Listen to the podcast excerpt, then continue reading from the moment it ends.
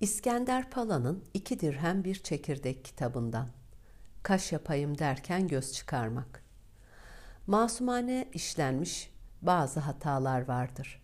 Yani iyilik yapayım derken zarar vermek, iltifat edeyim derken karşısındakini gülünç duruma düşürmek, saygı göstereyim derken aşağılamak gibi. Tamamen iyi niyetle yapılmış bu davranışlara günümüzde kaş yapayım derken göz çıkarmak deyimi kullanılır. Deyimin hikayesi şöyledir.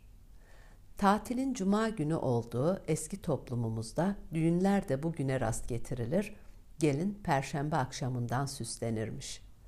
Süsleme işini yapan kadınlara meşyata, kalemkar veya yüz yazıcı denir.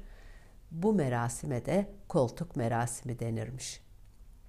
Koltuk merasiminde kadınlara has eğlenceler yapılır, bir nevi kına gecesi gibi çalınır, oynanırmış.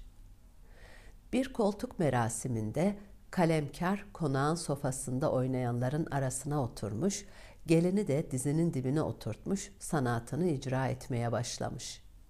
Saçlar, dudak, yanaklar derken yüzün en incelikli yeri kaşlara sıra gelmiş. Kaşlardaki fazla tüyler alınıp boyanmış.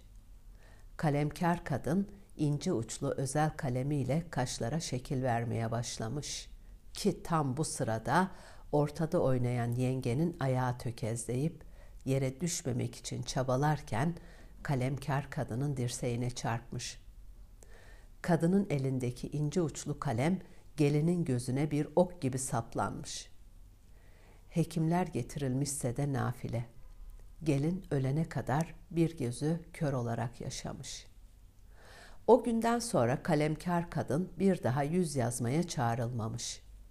Hatta ondan söz edilirken şu kaş yapayım derken göz çıkaran kadın mı diye de şöhret bulmuş.